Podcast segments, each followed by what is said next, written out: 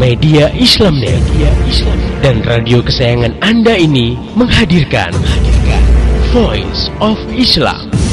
Bahwa kecelakaan itu bisa terjadi di mana-mana betul, kapan saja betul kepada siapa saja juga betul. Betul. Tetapi pilihlah takdir yang baik. Salah satu cara untuk menyetir yang baik adalah itu tadi mengecek kendaraan. Cek. Jangan sampai pas ngantuk nyetir. Itu banyak tuh Ya. orang yang saya dulu pernah itu. Oh, Ya, dan saya sangat menyesali ya. Jadi pernah saya nyetir itu dalam kondisi tidur. luar biasa. Mencari solusi secara Islami. kita wajib mempelajari perekonomian Islam gitu.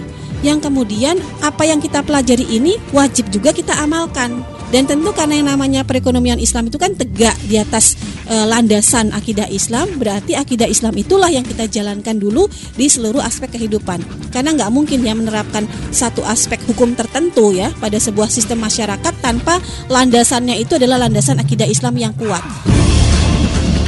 Inilah Voice of Islam. Voice of Islam.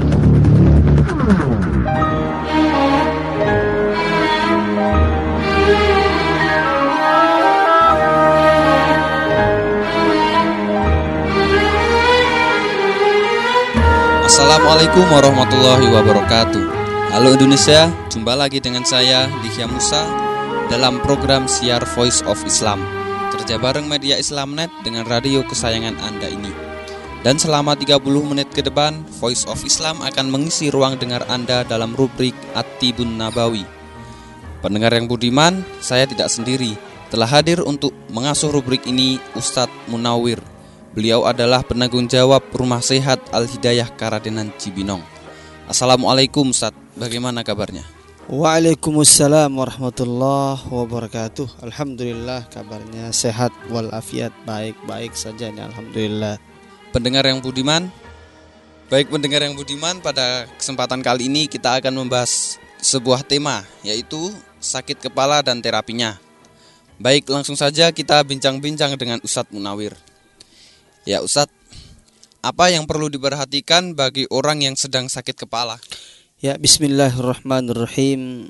Uh, Alhamdulillah rabbil alamin wassalatu wassalamu ala asyrafil mursalin wa ala alihi wa ashabihi ajma'in amma ba'd.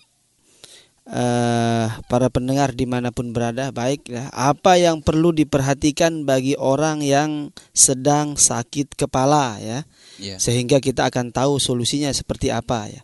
Jadi sakit kepala ini adalah sakit penyakit yang sudah merakyat ya hampir semua orang pernah merasakan yang namanya sakit kepala ini bahkan di dalam riwayat nabi kita pernah juga terasa pusing kepalanya ya. Waktu itu beliau sedang ihram, akhirnya beliau dihijamah di umum mugis atau di ubun-ubunnya. Sekarang yang perlu kita perhatikan ketika kita sakit kepala adalah dari mana sumbernya. Nah, sumber sakit kepala itu karena sakit kepala ini hanya efek saja. Nah, bisa jadi karena lambung orang itu bermasalah, sakit kepalanya. Ya. Terus boleh jadi juga kolesterolnya tinggi, kepalanya yang sakit. Ada kasus-kasus tertentu yang gula darahnya tinggi dia sakit kepala. Ada kasus-kasus juga yang saya temukan selama ini, yang saya temukan selama ini eh, dia terlalu banyak tekanan-tekanan dalam pekerjaannya, kepalanya yang pusing. Ya. Nah, ada juga yang karena tanggalan tua gitu ya, duitnya kurang, jadi sakit juga kepalanya ya. Ini yang perlu kita perhatikan ini, yang menyebabkan kita sakit kepala ini apa gitu kan ya. Apa sehingga kita akan tahu bagaimana kita harus menterapinya ya untuk untuk terapinya supaya kita tahu bagaimana kita harus menterapinya gitu. Itu yang harus perhatikan ya, apa s- penyebab atau sumber sakit kepala kita ini biar gampang untuk menyelesaikannya gitu ya. Ya, kemudian Ustadz, sebab-sebab sakit kepala itu apa Ustadz? Ah kalau sebabnya tadi saya sudah sebutkan kebetulan ya sudah sudah sebutkan sebab-sebab sakit kepala itu ya. Yang pertama yang bisa menyebabkan orang sakit kepala ini secara umum ini adalah apabila pencernaannya bermasalah. Pencernaannya bermasalah, lambungnya bermasalah, makanya Nabi Muhammad sallallahu alaihi wasallam bersabda, "Al-maidatu baitud da'i," bahwa pencernaan ini adalah rumahnya penyakit di situ. Ya. Nah, sementara kepala ini hanya efek saja. Ketika orang bermasalah di lambungnya, asam lambungnya naik misalnya itu bisa pusing kepalanya. Orang itu yang pertama, yang kedua kolesterol tinggi juga bisa menyebabkan orang sakit kepala. Ini kasus-kasus yang sudah saya temukan ya. Atau terlalu banyak tekanan hidup mereka, susah. Yang kelewatan sakit juga kepalanya. Terlalu banyak permasalahan. Ya, jadi berikutnya juga yang menyebabkan orang bisa sakit kepala itu jenis-jenis penyakit fisik atau bisa juga penyakit non fisik. Orang kena sihir juga bisa kena sakit kepalanya, pusing dia. Nah, makanya kalau kita sudah cek tadi, kalau kita sudah bisa melakukan eh, apa namanya melakukan evaluasi kepada diri kita ini apa penyebabnya biar kita tahu. Nah, kalau sudah dicek satu persatu penyebabnya bisa kita melakukan terapinya. Sel langkah selanjutnya adalah lebih gampang untuk melakukan terapinya itu. Tadi sekali lagi banyak ya penyebab orang-orang yang sakit kepala itu. Ya. Kemudian Ustadz, kalau yang sebabnya pencernaan, terapinya seperti apa Ustadz? Nah, bagaimana kalau orang yang sakit kepalanya itu karena lambungnya bermasalah atau karena pencernaannya bermasalah? Maka ini yang harus diterapi yang pertama adalah lambungnya dulu. Iya. Lambungnya dibenahi ya. Seperti yang saya ucapkan tadi Nabi bersabda, "Al-maidatu baitud da'i." Bahwa lambung al-maidatu baitud da, bahwa lambung itu adalah rumahnya penyakit. Pencernaan manusia itu adalah rumahnya penyakit. Ya di sini karena semua makanan itu masuk ke sana. Sementara makanan ini tidak selalu sehat yang kita konsumsi ya. Kadang eh, kadang mengandung sesuatu yang berbahaya bagi diri kita sendiri yang kita konsumsi dan bisa jadi itu karena di luar kemampuan kita, di luar pengetahuan kita, kita main konsumsi saja gitu. Akhirnya tadi bahwa kita sakit. Nah, kalau pencernaannya sakit maka bisa yang pertama adalah yang harus dilakukan adalah terapi untuk pencernaannya. Terapi pencernaan ini secara atibun nabawi yang paling bagus adalah menggunakan madu atau asal ya asal kalau bahasa Arabnya itu bukan asal-asalan bahasa Indonesia ya tapi asal asal itu bahasa Arab yang artinya madu. Karena pencernaan atau lambung itu adalah organ panas tubuh manusia kita bisa menggunakan madu dingin ya. Madu dingin itu madunya dulu dipersiapkan ambil tiga sendok madu sendok madu usahakan menggunakan sendok plastik ya. Ya. usahakan menggunakan sendok plastik. Kenapa? Karena khawatir madu itu bereaksi bukan khawatir lagi. Madu itu bereaksi dengan logam gitu ya. Ya. madu itu bereaksi dengan logam ya jadi supaya lebih maksimal reaksi madu itu sendiri, maka tadi kita perhatikan ketika yang sakit adalah lambung kita atau pencernaan kita, karena pencernaan itu adalah organ panas tubuh manusia, gunakan eh, madu dingin. Tadi madu dingin itu madunya dulu diambil tiga sendok, ditaruh di gelas kecil, gelas belimbing gitu. Ya. Gelas kecil, terus dikasih air hangat. Ingat tiga sendok madu, kasih air hangat, terus langsung kita konsumsi minum pagi-pagi sebelum sarapan. Oh iya. Pagi-pagi sebelum sarapan itu langkah yang pertama ya. Kemudian kalau susah menemukan madu karena khawatir karena sekarang banyak sekali madu yang madu-madu nggak jelas ya. Iya, palsu. Madu palsu misalnya, madu yang eh, tidak bisa kita pertanggungjawabkan gitu. Karena belinya di jalan, madu sendiri mahal, tiba-tiba di jalan di luarnya dijual 10.000 ribu misalnya kan murah banget. Bisa jadi bohong-bohongan. Bisa menggunakan susu. Susu ya, susu. Susu itu bisa juga menggunakan susu kambing ya atau kalau tidak menemukan susu kambing bisa menggunakan susu sapi ya untuk memperbaiki pencernaan ya. Ya. Kalau susu juga kemahalan tidak ketemu susah juga gitu ya bisa menggunakan wortel ya. Iya, wortel, wortel. itu di jus diminum ya. Minum jus wortel itu fungsinya untuk membersihkan nanti pencernaan kita supaya lebih bagus ya. Nah, itu terapinya ya. Terus berikutnya selain minum minuman bisa juga menggunakan eh, minyak zaitun. Minyak zaitun ini bagus juga ya. Minyak zaitun yaitu konsumsi sebelum tidur di malam hari satu sendok saja. Insya Allah itu uh, untuk memperbaiki organ dalam tubuh manusia ya. Bisa menggunakan minyak zaitun yang penting rutin ya. Berikutnya bisa juga menggunakan kurma. Kurma lebih bagus lagi kalau ada rutop ya kurma basah. Kurma yang masih seger gitu ya. Iya. rutop itu. Jadi itu Al Hafiz Ibnul Qayyim menjelaskan di dalam kitab Zadul Ma'ad beliau di bab yang keempat di jilid yang keempat itu di bab uh, At-Tibbun Nabawi di situ dijelaskan bahwa rutop itu salah satu fungsinya adalah untuk menguatkan pencernaan. Karena daya tahan tubuh manusia itu terletak pada pada bahwa pencernaannya bagus atau tidak. Ya. kalau pencernaannya bagus insya Allah yang lainnya akan ikut bagus itu karena tadi dia adalah baituda lumbung atau rumahnya penyakit ada di sana. Nah sehingga yang paling utama itu. Nah dan bisa juga menggunakan terapi Eh, berikutnya adalah menggunakan terapi hijamah. Al hijamah ini di bekam ya kalau bahasa Iya. kita. Di sini terkenalnya dengan bekam. Padahal bekam itu bahasa Malaysia ya. Kalau bahasa Indonesia di kop di hijamah ya bahasa Arabnya di hijamah di titik pencernaannya.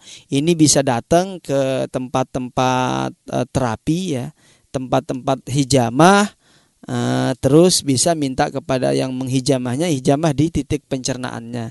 Insya Allah baru nanti kepalanya akan sembuh ya. Bisa di hijamah di titik pencernaannya dan langsung ketika sakit kepalanya sangat sudah tidak bisa tertahan bisa di, di, di hijamah di umum mugis namanya umum mugis ini titiknya adalah di ubun-ubun di ubun-ubun ini kalau kita mau ukur ya ujung ujung telinga kita tarik garis garis lurus ke atas itulah ubun-ubun kita ujung Ya. telinga kita masing-masing tarik garis lurus ke atas itulah ubun-ubun kita di situlah di hijamah nah insya Allah rasa sakit kepalanya akan sembuh gitu. Ya. Eh, terus kalau yang disebabkan kolesterol di terapi menggunakan apa Ustadz? Bagaimana kalau sakit kepala itu disebabkan oleh kolesterol ya atau bisa juga disebabkan oleh eh, selain kolesterol darah tinggi misalnya ya. Itu bisa menggunakan terapi minyak zaitun tadi ya. Ah, kurangi tapi konsumsi-konsumsi yang mengandung kolesterol ya. Kurangi karena tadi makanan ya. Yang paling penting itu adalah pola hidup, pola makan kita dijaga pola makannya jangan terlalu banyak mengkonsumsi sesuatu yang berlemak, yang berminyak-minyak ya, yang mengandung banyak kolesterol seperti telur, kuning telur tuh. Kuning telur apalagi telur puyuh gitu ya. Ayam kulitnya gitu ya.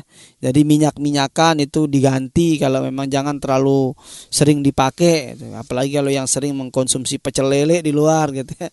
Jadi minyak itu kadang udah hitam itu sangat berbahaya sekali ya. Jadi kurangi ya, mungkin susah untuk menghindarinya ya kurangi ya. Gorengan-gorengan dikurangi. Terus bagaimana cara tadi pertanyaannya bagaimana cara menterapinya kalau sakit kepala itu yang yang menyebabkannya adalah kolesterol ya. Tadi bisa mengkonsumsi minyak zaitun ya. Obat yang paling hebat untuk kolesterol itu adalah minyak zaitun. Lebih-lebih kalau minyak zaitun itu sudah dirukyah dulu gitu atau sudah didoain dulu gitu. Ya. Nah, itu lebih bagus lagi ya dikonsumsi yang pertama tadi yang kedua minyak zaitun ya. Terus yang berikutnya bisa menggunakan hijamah yang paling bagus ya untuk kolesterol. Hijamah di mana di titik hijamahnya tadi tetap di di hijamah di tengkuk dulu ya di tengkuk sini di tengkuk terus di titik kolesterolnya di bahu terus di leher titik kolesterolnya juga bisa diambil di leher atau bisa juga diambil di ubun-ubun tadi di kepala untuk meredakan sakit kepalanya ya. Ya. Ya, tapi yang penting adalah titik kolesterolnya perlu yang diserang dulu titik kolesterolnya terus titik-titik sunnahnya juga diambil yaitu di eh, tengkuk ya untuk menyembuhkan penyakitnya dan di ubun-ubunnya. Ya. bisa dilakukan di ubun-ubun ya. Sekali lagi itu bisa dilakukan. Ini harus segera diterapi. Ciri-cirinya adalah sakit kepala itu berat rasanya. Ya. sakit kepala ada orang yang migrain ada orang yang vertigo katanya. Itu bisa langsung diterapi. Di hijamah itu langsung itu. Hati-hati ya eh, bagi para pendengar di mana pun anda berada. Hati-hati ketika itu kolesterolnya terlalu tinggi. Karena ada beberapa kasus pasien yang saya tangani stroke dia setelah lama. Ci- Ciri-cirinya adalah terasa pegel di leher tuh, rasa pegel di leher, pegel di bahu itu. Sampai ke depan rasa pegelnya. Saya tanya itu pasien-pasien yang sudah eh, saya terapi sebelum dia stroke itu cara apa sebelum dia stroke itu terasa sakit itu katanya di bagian leher dulu, bagian leher terus di bagian bahunya terus pegel rasanya disuruh mijit pijit melulu pijit melulu pijit melulu pijit melulu. Sampai kemarin tuh yang terakhir saya terapi itu anaknya nginjek nginjek katanya. Suruh- disuruh anaknya nginjek nginjekin badannya supaya enak rasanya pegel melulu. Iya. ternyata kolesterolnya tinggi itu tidak diketahui akhirnya stroke dan ketahui adalah ketika sudah stroke itu butuh proses yang lama untuk menterapinya maka perlu kita jaga sebelum stroke maka segera diterapi gitu ya Ya. Nah, pendengar ya Budiman, berapa lama di terapinya kira-kira ya? Kita akan bahas pertanyaan tadi setelah satu jeda berikut ini. Tetap setia di Voice of Islam. Telah terbit Cinta Tiga Wanita. Tiga Wanita. Antologi cerpen karya santri pesantren media. Alhamdulillah Akhirnya para santri pesantren media berhasil membukukan karya mereka dalam antologi cerpen yang diberi judul Cinta Tiga Wanita.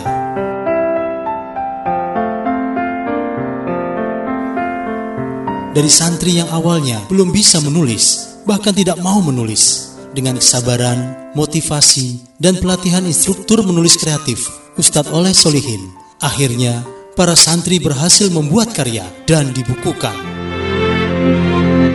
Cerita-cerita keren dan seru yang mendapatkan apresiasi dari Boim Lebon, penulis cerita anak dan remaja, juga produser televisi. Kumpul-kumpul sambil makan rujak emang enak.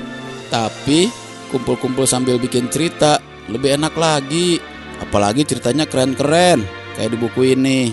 Saya bacanya aja sambil cengar-cengir sendiri. Seru banget. Soalnya saya bacanya sambil makan rujak juga sih. Jadi sambil nahan pedas. Pemilihan kata dan alur cerita yang diapresiasi oleh Afifa Afra, penulis novel The Live Day. Saya terkejut karena cerpen-cerpen di buku ini ternyata tak biasa. Diksinya kuat dan alurnya menarik.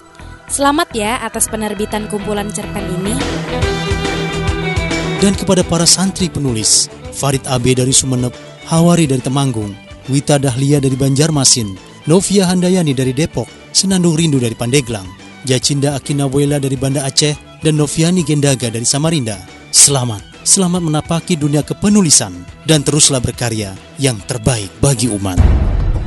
Tebal buku 238 halaman, berisi 14 cerita. A Journey to Philadelphia, Matahari Merah Jambu, Hari-hari Tufa, Ketulusan Doa, Sebersih Cahaya Senja di Kutaraja, Cinta Tiga Wanita, Surat Rindu Buat Umi, Sebuah Wasiat, Asmarandana Kehidupan, Kerinduan Kalila, Catatan Sejarah Cuteh, Sebuah Pesan Masuk, Kenanga Coklat, dan Kesimpulan Akhir. Bagi yang ingin menikmati dahsyatnya karya santri pesantren media, bisa menghubungi Saudari Nur Handayani di 0857 107 82 955. Sekali lagi di 0857 107 82 955. Harga buku cuma 35.000. Setiap pembelian pasti mendapatkan diskon menarik.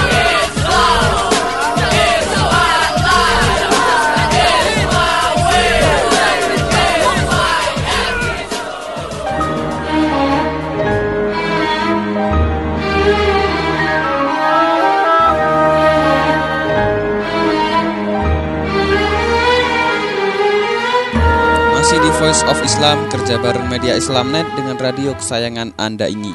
Pendengar yang budiman, Anda masih bersama saya Dihya Musa dan juga Ustadz Munawir dalam rubrik At-Tibun Nabawi.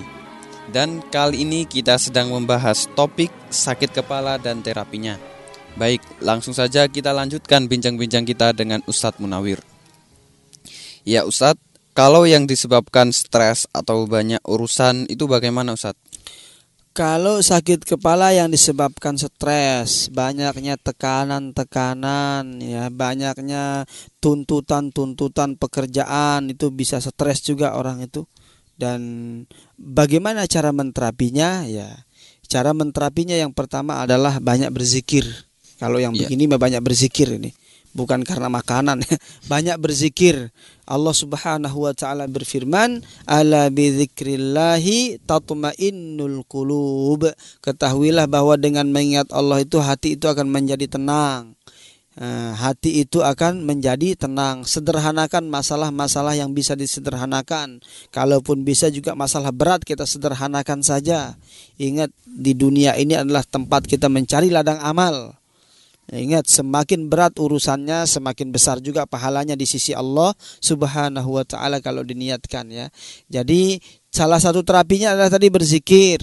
Yang kedua saya sarankan untuk melakukan sholat malam ya. Sholat malam terus banyak bersujud supaya oksigen ke otaknya lancar biar tidak sakit kepala karena stres tadi ya. Ya. gitu. Eh, sakit kepala karena stres. Kalau memang urusan itu segera bisa diselesaikan, selesaikan urusannya. Jadi akan lebih flong dan lebih tidak bermasalah nanti di penyakit pasti sakit kepalanya. Ya. Dan juga kalau memang sakit kepala sudah tidak tahan lagi, bisa menggunakan hijamah tadi.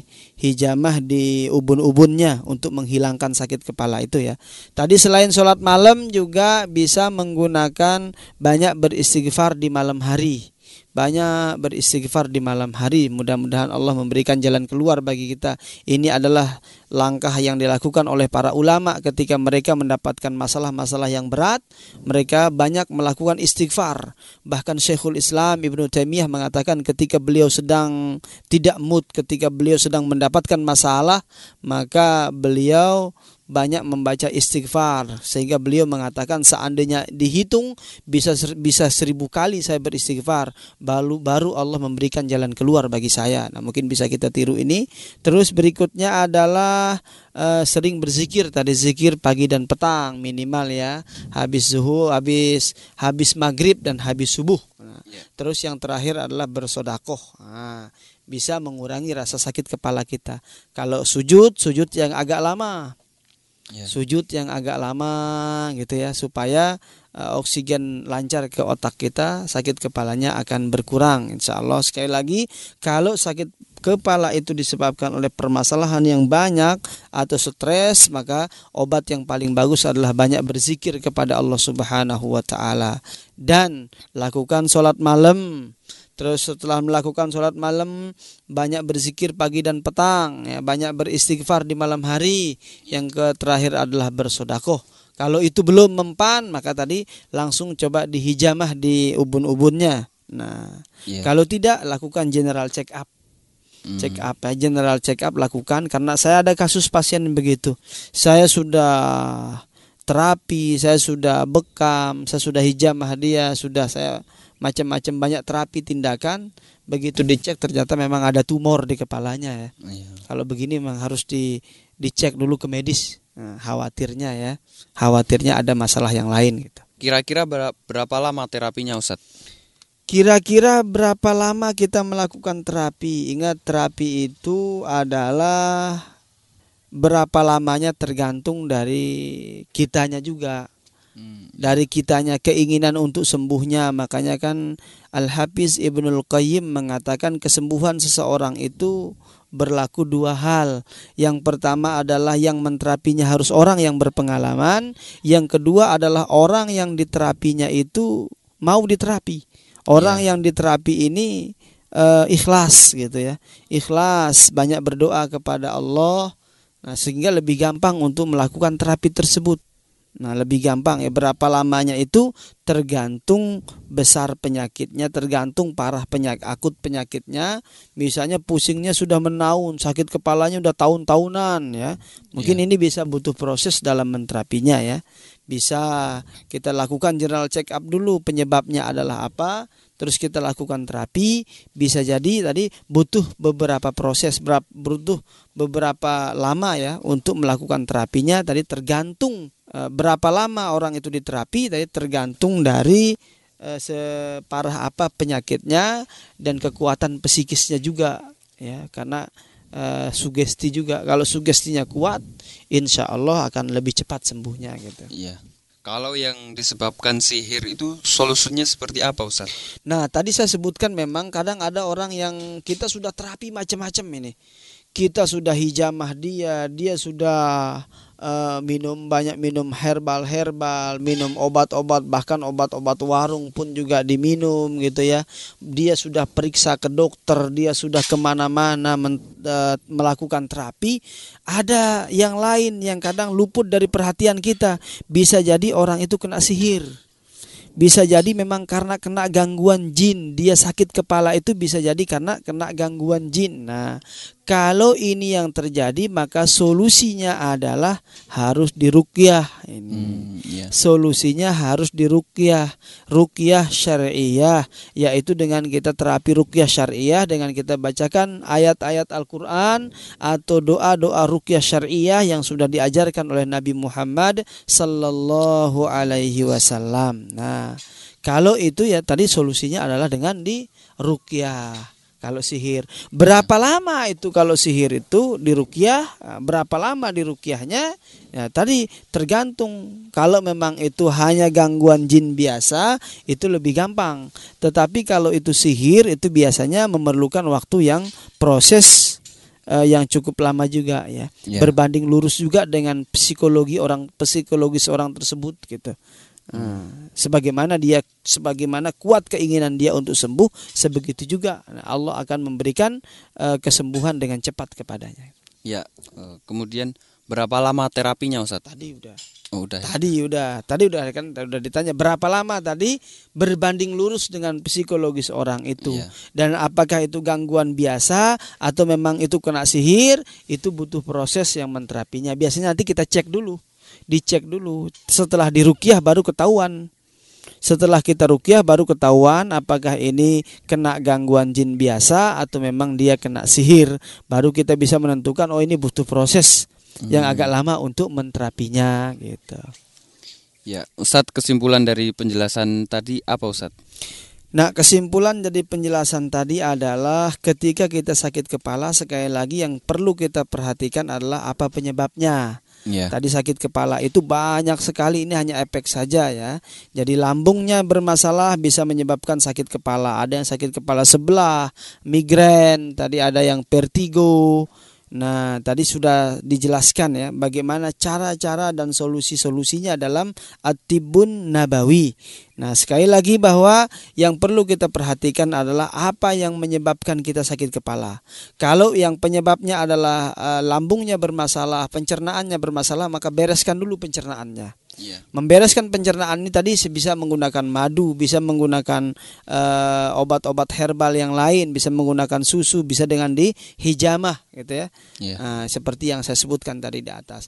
Terus kesimpulannya adalah yang kedua, kalau yang penyebab sakit kepalanya itu kolesterolnya yang tinggi atau darah tinggi, tekanan darahnya tinggi, maka bisa dilakukan dengan menggunakan hijamah atau mengurangi Eh, konsumsi-konsumsi yang mengandung kolesterol. Begitu juga jika penyebabnya terlalu banyak permasalahan yang dialaminya, maka sederhanakanlah permasalahan-permasalahan itu. Kita kembali kepada Allah, segera melakukan terapi dengan terapi yang diajarkan oleh Allah oleh Allah melalui lisan Rasulnya, yaitu Rasul Nabi Muhammad Sallallahu Alaihi Wasallam. Sekali lagi pesan saya adalah pendekatkan diri kepada Allah supaya sugesti kita kepada Allah menjadi sugesti yang lebih baik, sugesti positif yang bisa meringankan semua penyakit fisik kita. Nah, tetapi perlu kita ketahui kalau itu sakitnya karena uh, gangguan jin atau sihir, maka segeralah melakukan terapi dengan terapi rukyah. Ya. ya. Baik, itu tadi pembahasan kita tentang sakit kepala dan terapinya. Baik, buat Anda yang ingin bertanya, memberikan kritik, saran, serta masukan, bisa kirim surat ke radio kesayangan Anda ini atau kirim SMS ke 089 6937 23456 atau bisa juga melalui email ke mediaislamnet@yahoo.com. Untuk informasi lebih lanjut tentang Voice of Islam, radio-radio di seluruh Indonesia yang menyiarkannya topik-topik yang akan dibahas, juga info-info lainnya silahkan kunjungi website kami www.mediaislamnet.com. Baik, bagi Anda yang di wilayah Bogor dan sekitarnya yang ingin berkonsultasi atau ingin menanyakan sesuatu kepada Ustadz Munawir, silahkan hubungi 0817 667 2425. Sekali lagi 0817 667 2425. Saya Dihya Musa serta seluruh kerabat kerja yang bertugas mengucapkan terima kasih kepada Ustadz Munawir atas penjelasannya tadi. Ya, sama-sama. Terima kasih juga buat pendengar yang telah setia mendengarkan acara ini. Pesan saya, sampaikan apa yang Anda peroleh dari acara ini kepada orang lain, agar rahmat Islam bisa segera tersebar luas termasuk di kota Anda yang tercinta ini. Mari menimbang masalah dengan syariah. Wassalamualaikum warahmatullahi wabarakatuh. Baru saja, Baru saja Anda dengarkan Voice of Islam. Voice of Islam. Voice of Islam. Voice of Islam.